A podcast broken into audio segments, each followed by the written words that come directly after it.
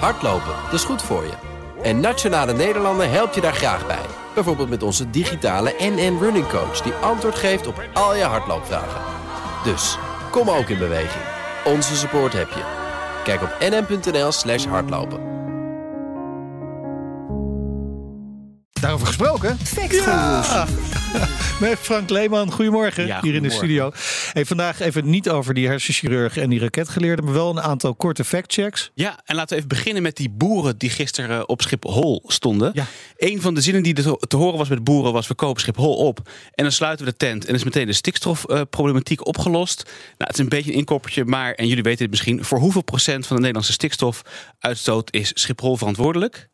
Daar heb je volgens mij een raketgeleerde voor Ja, ik nodig. heb dat rapport gezien. Ehm, ja, ik weet het. Ja, ja. 10 procent. Nee, minder denk ik. Ja, het is een- inderdaad. Schiphol is verantwoordelijk voor 0,1% van de uitstoot. En dat is als je de vluchten boven 900 meter niet meerekent, neem je die wel mee. Ja, ja. En is Schiphol verantwoordelijk voor 1,1 tot 1,5% afhankelijk van Ja, waar dus, dus, dus heel weinig zou je kunnen zeggen. En de landbouw?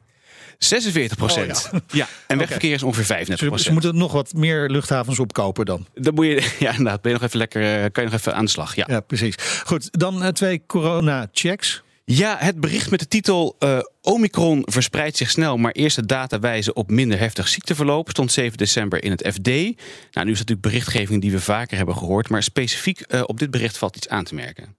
Want wat is de bron van dit bericht? De bron van het bericht is een bericht van het South African Medical Research Council, het SAMRC, en wat daarna is opgepikt door de New York Times en de Financial Times Ja. en dus de FD. Maar er zijn meteen een aantal kanttekeningen te maken. En de eerste vind ik eigenlijk al meteen een soort van hilarisch.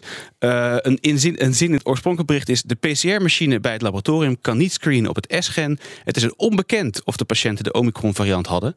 Maar omdat de prevalentie op deze plek hoog is, doen we de redelijke aanname dat het om Omicron eh, gaat.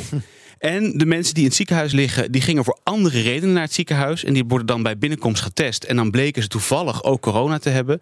Eh, dus ja, die hele conclusie die wordt dus getrokken op een groep incidentele patiënten. En niet de groep patiënten die zich normaal gesproken melden omdat ze in problemen komen door corona.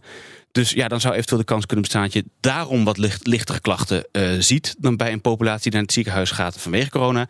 En dit waren daardoor ook jongere patiënten, waren allemaal onder de 50. En die hebben natuurlijk sowieso al wat minder problemen.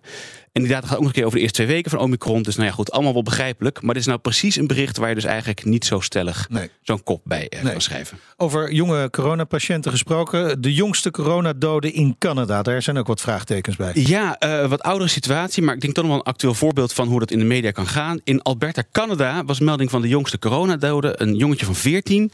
De arts, dokter Dina Hinshaw, bracht dit nieuws, maar niet lang daarna werd zij ter verantwoording geroepen door de advocaat van de familie van het jongetje. Eh, want het patiëntje, eh, ja, die lag al de hele tijd in het ziekenhuis met een hersentumor. En het zou sowieso al een van de dagen zou die, zou die komen te overlijden. En stierf uiteindelijk met een positieve corona-uitslag. Maar eh, ja, de medische situatie van het jongetje was totaal niet geheim. Liepen al maanden natuurlijk Ja. de deur van het ziekenhuis plat. Dus het is eh, niet echt verrassende nieuwe data dat die eh, terminaal was. En ze heeft wel de excuses aangeboden. En ze hebben ook het protocol veranderd voor wanneer je die, die eh, coronadoden mag tellen. Goed. Tot zover de corona-checks. Nog iets heel anders? Iets heel anders, ik vond het eigenlijk heel leuk. Bij BNR in de middag met Donatello en Roos Ja. hoorde ik iets over de paus. En dat moet ik eerst even uitleggen. Het was een bericht naar aanleiding van het aftreden van de 73-jarige aartsbisschop van Parijs, Michel Aupetit. Die was wat te intiem geweest met een vrouw en dus bijna zijn celibaat in gevaar gebracht. En nu had hij strikt genomen nog niks verkeerd gedaan. Maar door de roddels en de algehele eh, verpeste sfeer heeft de bisschop zijn ontslag ingediend. En dit is dan ook aanvaard door de paus. En in reactie daarop zei de paus... Onkuisheid is beroerd, maar hoogmoed is het ergste. En eh, Donatello en Roos vragen zich dan dus eh, op zender af... sinds wanneer is er een rangorde voor de zeven hoofdzonden? Blijkbaar, en dat wist ik dan wel helemaal niet, is er dus een gradatie in de zonde. Nou ja, de vraag is dus, is die er of is die er voor de gelegenheid? Ik vind het, ik vind het prachtig. Zeker. En dat is dus de nieuwsvraag. De nieuwsvraag. Ja, nou, ik weet dus helemaal niets van religie of katholicisme... maar nu vroeg ik het me dus ook af...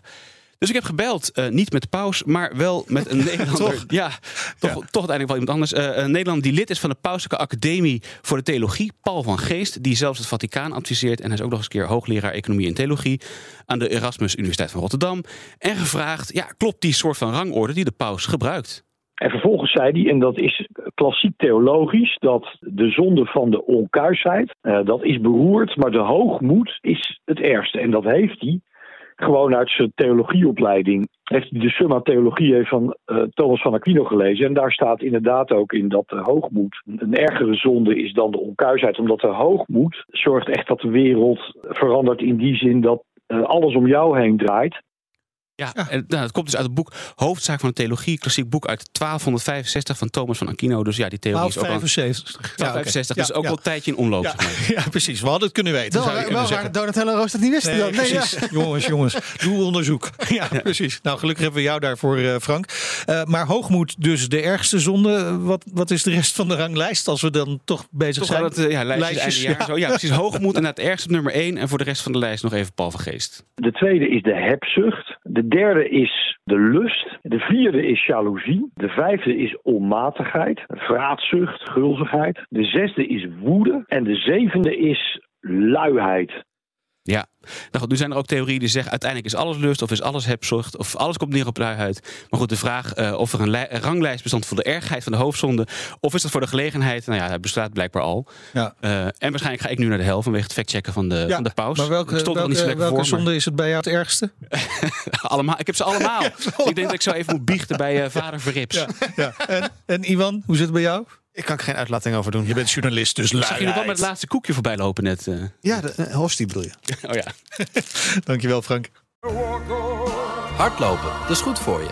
En Nationale Nederlanden helpt je daar graag bij. Bijvoorbeeld met onze digitale NN Running Coach... die antwoord geeft op al je hardloopvragen. Dus, kom ook in beweging. Onze support heb je. Kijk op nn.nl slash hardlopen.